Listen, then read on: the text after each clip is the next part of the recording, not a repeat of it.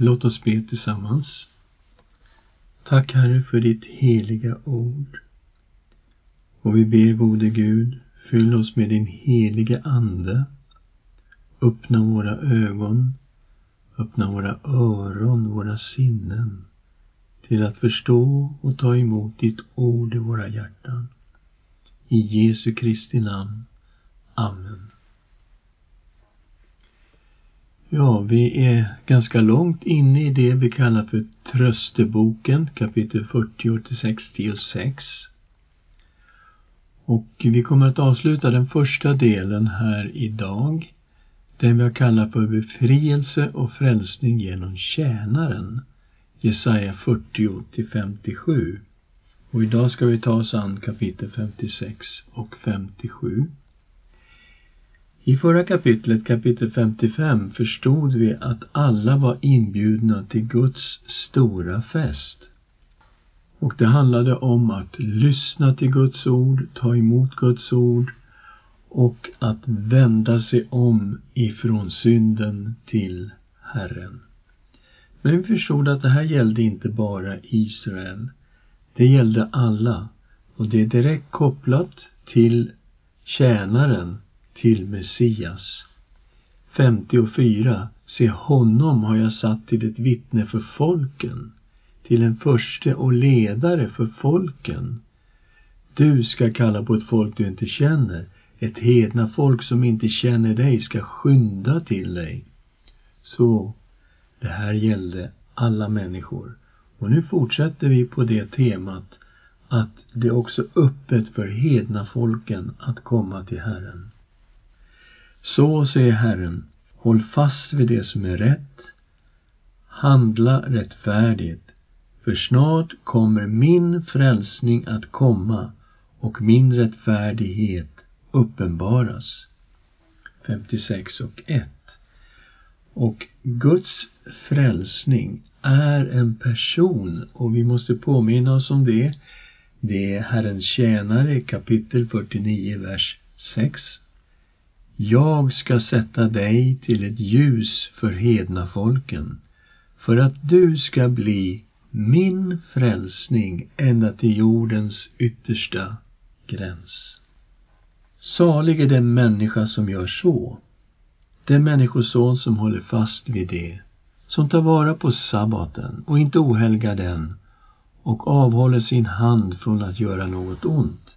Så det är en generell inbjudan att vända sig bort ifrån det onda och hålla fast vid Herren och hålla sabbaten. Och så kommer det uttryckligen i 56 och 3. Främlingen som sluter sig till Herren ska inte säga Herren kommer att skilja mig från sitt folk. Nej, och inte heller eunucken ska säga, jag är ett förtorkat träd. För så säger Herren, de eunucker som tar vara på mina sabbater och väljer det jag finner glädje i och håller fast vid mitt förbund.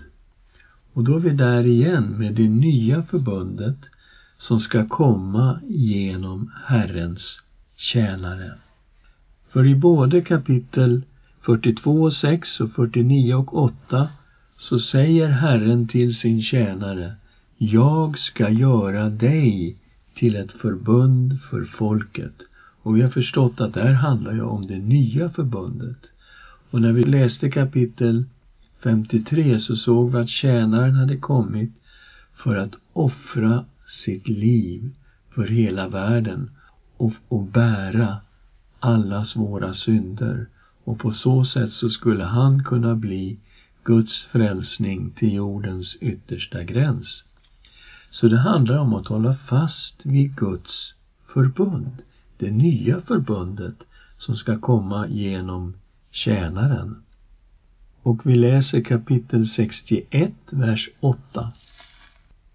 För jag, Herren, älskar det rätta och hatar orättfärdigt rofferi jag ska ge dem deras lön i trofasthet och sluta ett evigt förbund med dem. Så Gud kommer att skapa ett nytt förbund och det är ett evigt förbund och det kommer att vara kopplat till tjänaren. Och i kapitel 59, vers 20 och 21 läser vi Återlösaren ska komma till Sion och till dem i Jakob som vänder om från sitt uppror, säger Herren. Detta är mitt förbund med dem, säger Herren. Min ande som är över dig och mina ord som jag har lagt i din mun ska inte vika ur din mun eller ur dina barns eller barnbarns mun från nu och till evig tid, säger Herren. Okej, okay, i vers 20 här så läser vi om återlösaren som ska komma till Sion, till Jerusalem. Och den här versen, den är citerad av Paulus i Romarbrevet 11 och 26. Och där låter han återlösaren syfta direkt på Jesus Kristus. Och i den här versen ser vi också att det handlar om kvarlevan. Och till dem i Jakob som vänder om från sitt uppror. Ja, det är kvarlevan. Det är de som har vänt sig bort ifrån synden och vänt sig till Herren. Till dem ska återlösaren komma. Romarbrevet 11.26 Det är så hela Israel ska bli frälst som det står skrivet. Från Sion ska frälsaren komma och ta bort ogudaktighet från Jakob. Och detta är mitt förbund med dem när jag tar bort deras synder. Och här handlar det om att Jesus Kristus, han har kommit och tagit bort ogudaktigheten från Jakob och gjort ett nytt förbund och alla de som har vänt om och tar emot Jesus Kristus som sin Herre och Frälsare, de får vara med i Guds folket. Och det gäller förstås kvarlevan, de som Paulus talar om här i Romarbrevet 9 och i Romarbrevet 11 i det här kapitlet. För han säger ju om denna kvarleva, på samma sätt finns också nu i denna tid en rest som Gud har utvalt av nåd. Det är 11 och 5. Så den här resten, det är de som har tagit emot Jesus Kristus som sin Herre och Frälsare. Så Paulus låter den här versen syfta på de som tror på Kristus och de som har omvänt sig. Vi går tillbaka till Jesaja kapitel 59, vers 20. Återlösaren ska komma till Sion och till dem i Jakob som vänder om från sitt uppror. Så säger Herren, och vad är det Herren säger till den här kvarlevan? Detta är mitt förbund med dem, säger Herren min ande som är över dig och mina ord som jag har lagt i din mun ska inte vika ifrån din mun. Okej, okay, vilken är dig och vilken är din mun? Vem är det här? Ja, på ett enda ställe här i trösteboken har vi sett det här uttrycket min ande som är över dig, en person. Och det är det här messianska avsnittet till Herrens tjänare i kapitel 42, vers 1. Se min tjänare som jag stöder, min utvalde som min själ gläder sig över. Jag har sänt min ande över honom. Han ska utbreda rätten bland hedna folken. Så det är Herrens tjänare som får höra detta att Herren har sänt sin ande över honom. Och den här tjänaren som också är Herrens utvalde i vilken hans själ gläder sig över. Det är ju han som får Guds ande över sig och vi ser Jesu dop. Himlen öppnas. Fadern säger, den är min älskade son i vilken min själ har sin glädje eller har sitt behag. och så kommer den helige Ande ner över Jesus i form av en duva. Så vi antar att min ande som är över dig är kopplat direkt till tjänaren. Och mina ord som jag har lagt i din mun, vad är det med detta med anden och ordet? Ska inte vika ur dina barns mun eller barnbarns mun från nu till evig tid, säger Herren. Oj, så det handlar om det här förbundet som ska komma genom Herrens tjänare. Återlösaren som kommer till Sion. Detta är mitt förbund med dem, säger Herren. Min ande som är över dig och mina ord som jag har lagt i din mun ska inte vika ur din mun eller ur dina barns eller barnbarns mun från nu till evig tid, säger Herren. Det är ett evigt förbund. Och då hör vi direkt kopplingarna till det eviga förbundet i Jesaja kapitel 9 och Jesaja kapitel 11. Två messianska kapitel som beskriver vad Gud ska göra genom Messias. Vi går tillbaka till kapitel 56. Så, vi läser kapitel 56 och 4. Vi fortsätter i vers 5.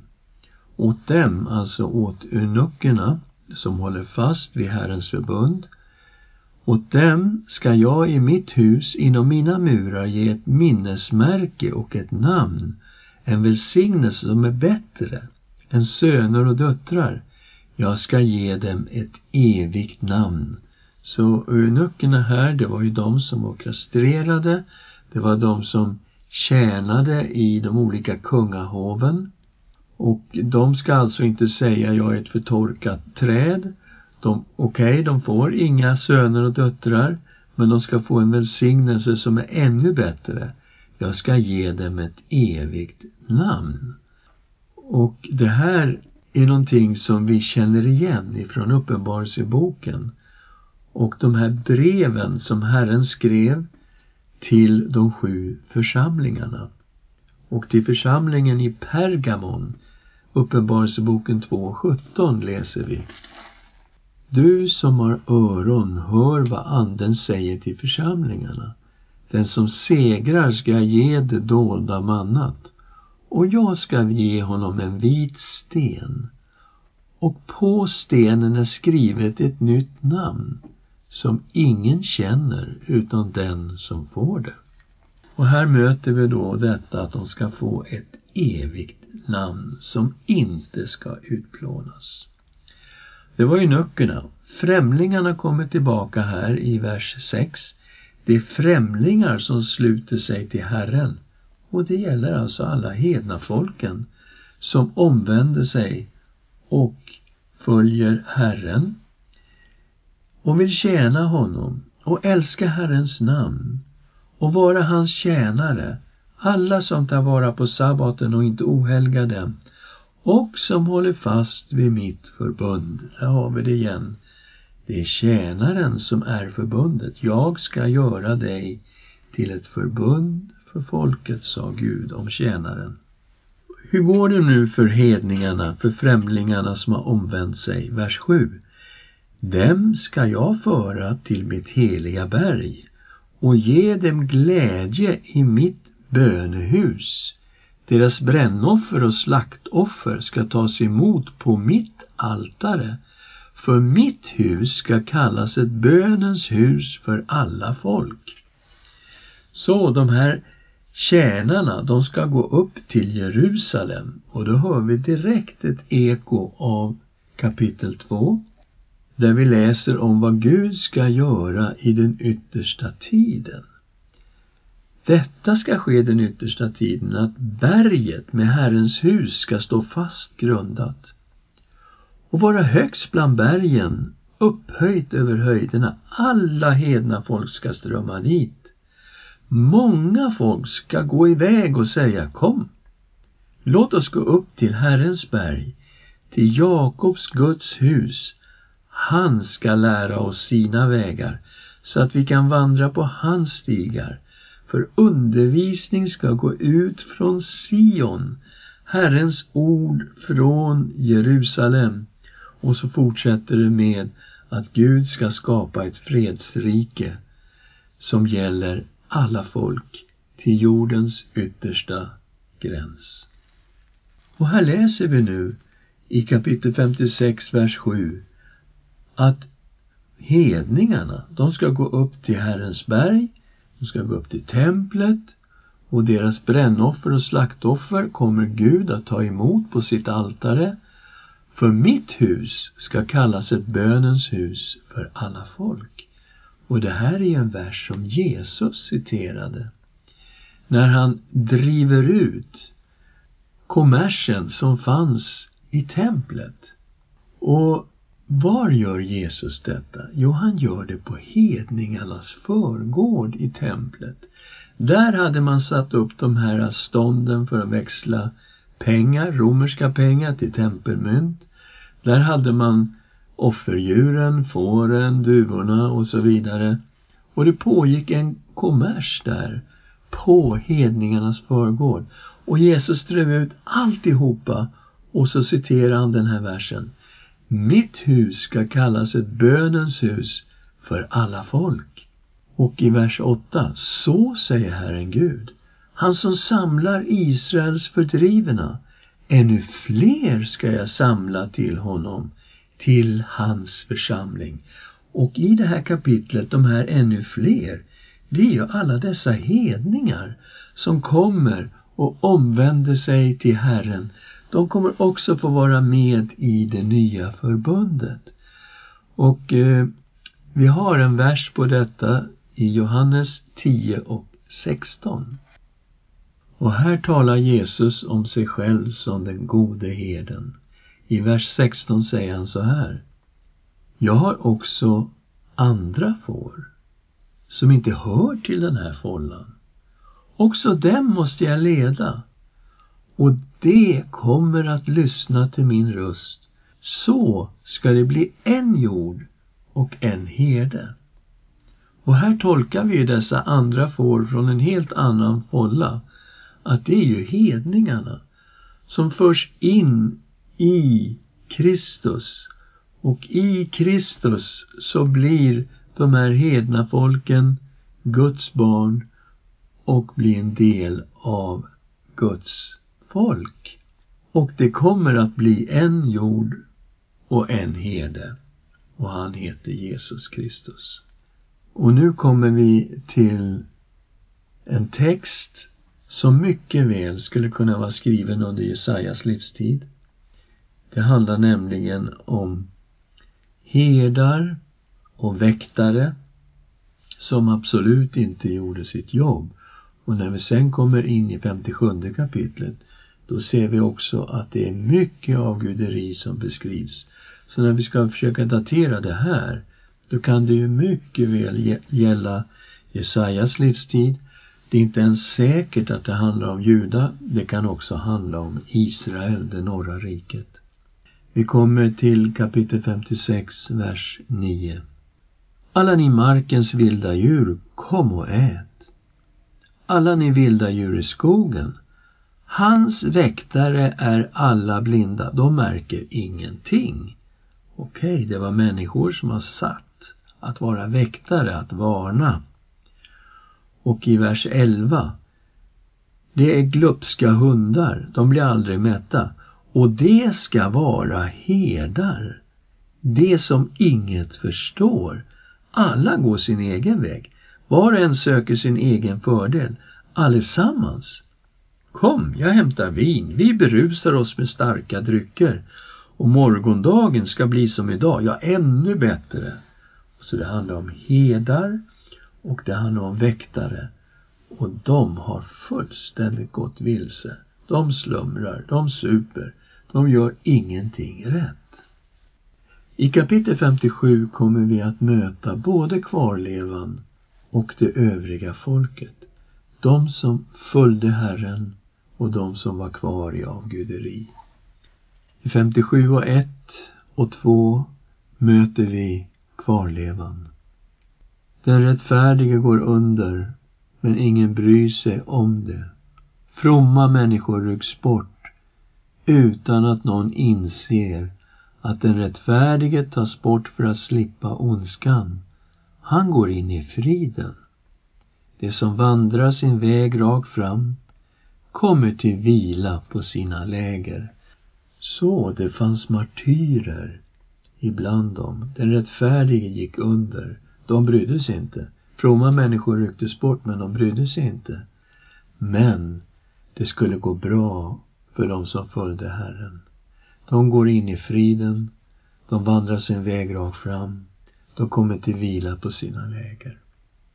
Men ni, säger Herren i vers 3, kom fram hit ni söner till spåkvinnor, ni barn till äktenskapsbrytare, prostituerade. Vem gör ni er lustiga över? Mot vem spärrar ni upp munnen och räcker ut tungan? Är ni inte upprorets barn, lögnens avkomma? Ni som under alla gröna träd brinner av lust till avgudarna. Ni som slaktar era barn i dalarna, nere i bergsklyftorna. Så det här är alltså avguderi som beskrivs som till och med handlar om barnoffer. Fruktansvärda saker som avgudadyrkarna i Israel och i Juda gjorde. Och vi kan jämföra det med en text i Jeremia kapitel 32, 34 till 35. Och här handlar det om hur Israel har exporterat sitt avguderi till Juda. De satte upp sina vidriga avgudar i det hus som är uppkallat efter mitt namn och orenat det. De satte upp avgudar i templet alltså. Och Balshöjderna i Hinnoms sons dal byggde de upp för att offra sina söner och döttrar åt Molok fastän jag aldrig hade befallt dem att göra något så avskyvärt eller ens tänkt med det så lockade de även Juda till synd. Och det var Israel som lockade Juda till synd. Och så fortsätter beskrivningen av hur de höll på med sitt avguderi. Och vi förstår att det också kom in sex i detta. Det handlar ju om fruktbarhetsriter. Vers 7. Du ordnade din bädd på höga stora berg. Dit gick du för att offra slaktoffer. Bakom dörren och dörrposten satte du ditt minnestecken. Du övergav mig, klädde av dig, steg upp i din säng och gjorde den rymlig. Du ingick förbund med dem som du älskade att gå i säng med. Du såg dem nakna. Du gick till kungen med olja och använde många väldoftande salvor. Du sände dina budbärare till fjärran land, ja, ända ner i dödsriket. Du blev trött av din långa färd, men du sa inte det lönlöst. Så länge du kunde röra din hand mattades du inte. Här beskrivs avguderiet i sexuella termer. Det är sant att det skulle kunna vara som vi läser i Hoseas bok att Herrens förbund med Israel var som ett äktenskapsförbund och när Israel gick bort och tillbad avgudar då begick man andligt äktenskapsbrott. Men också där i Hoseas bok såg vi att det faktiskt ingick fruktbarhetsriter och att det fanns tempeltärnor som männen gick iväg med. Vers 11 vem var du rädd för och fruktade eftersom du bedrog mig? Alltså de fruktade avgudar men de fruktade inte Herren. Du har inte kommit ihåg mig eller brytt dig om mig. Jag var tyst. Och det sedan länge. Är det därför du inte fruktar mig? Men jag ska visa hur det är med din rättfärdighet och dina verk. Det kommer inte att hjälpa dig. När du ropar får din avgudasamling rädda dig. En vind ska ta med dem allihop. En fläkt ska föra dem bort. Så såg det alltså ut. Men det finns en kvarleva. Det finns människor som har vänt om och som inte tar del i avguderiet utan som vandrar med Herren. Andra delen av vers 13. Men den som tar sin tillflykt till mig ska få landet till arvedel och mitt heliga berg till besittning. Man ska säga bana väg, bana och röj väg, ta bort stötestenarna från mitt folks väg. För så säger den höge och upphöjde, han som tronar för evigt och heter den helige. Och vi vet att den helige, det är Gud i Jesaja bok. Så ofta kallas han för Israels helige. Och han presenterar sig så för profeten Jesaja i Uppenbarelsen i kapitel 6 där seraferna ropar till varandra Helig, helig, helig är Herren Sebaot. Han heter den helige. Och vad säger han? Jag bor i det höga och heliga, men också hos den som är förkrossad och har en ödmjuk ande för att ge liv åt de ödmjukas ande och ge liv åt de förkrossandes hjärtan. Jag ska inte gå till rätta för evigt, inte ständigt vredgas, för då skulle deras ande försmäkta inför mig, de själar som jag har skapat. Så för kvarlevan finns det underbart hopp. Det finns löfte att få komma tillbaks till landet. Och de ska få besitta Guds heliga berg, det är Jerusalem det handlar om. Och Herren, han är nära dem. Visst, han finns i höjden, men han finns ju också hos den som är förkrossad och har en ödmjuk ande och som följer Herren. Guds vrede kom över synden, det är sant. Men han är också villig att frälsa. Vi tittar på vers 17. Jag var vred över deras girighetssynd. Jag slog honom och dolde mig i min vrede. Men han vände sig bort och gick den väg han själv ville. Jag har sett hans vägar, men jag vill bota honom och leda honom. Jag vill ge tröst åt honom och hans sörjande. Och vi hör ett eko av hela Jesaja kapitel 53 och vad Gud skulle göra genom sin tjänare. Tjänaren som skulle offra sitt liv för vår skull och bära just vår synd och vårt straff. Jag vill ge tröst åt honom och hans sörjande. Skapa lovsång på deras läppar. Frid för den som är fjärran och frid för den som är nära, säger Herren. Jag ska bota honom. Så Gud kommer att ta sig an alla som omvänder sig till honom. Det finns frälsning, det finns välsignelse, det finns förlåtelse. Och det finns frid för dem som är fjärran och frid för dem som är nära. Det här är en vers som aposteln Paulus hänvisar till i Efesierbrevet 2 och 17 att Jesus har kommit med frid för dem som är långt borta och med frid för dem som är nära. Och i det här sammanhanget, de som är fjärran, långt borta, det är hedna folken. Frid för dem som är nära, ja det är judarna. Och det är precis så aposteln Paulus använder det i Efesierbrevet 2. Att de som är långt borta är hedna folken och de som är nära är judarna. Men om man då ändå inte vill omvända sig, hur ska det då gå? Vers 20 och 21.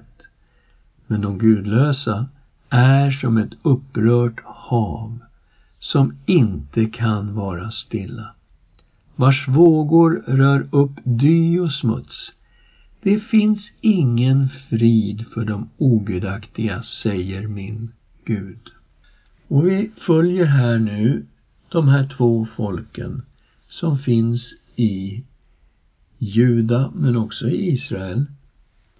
En grupp som följer Herren, som har omvänt sig, vänt sig bort ifrån synden och som följer Herren.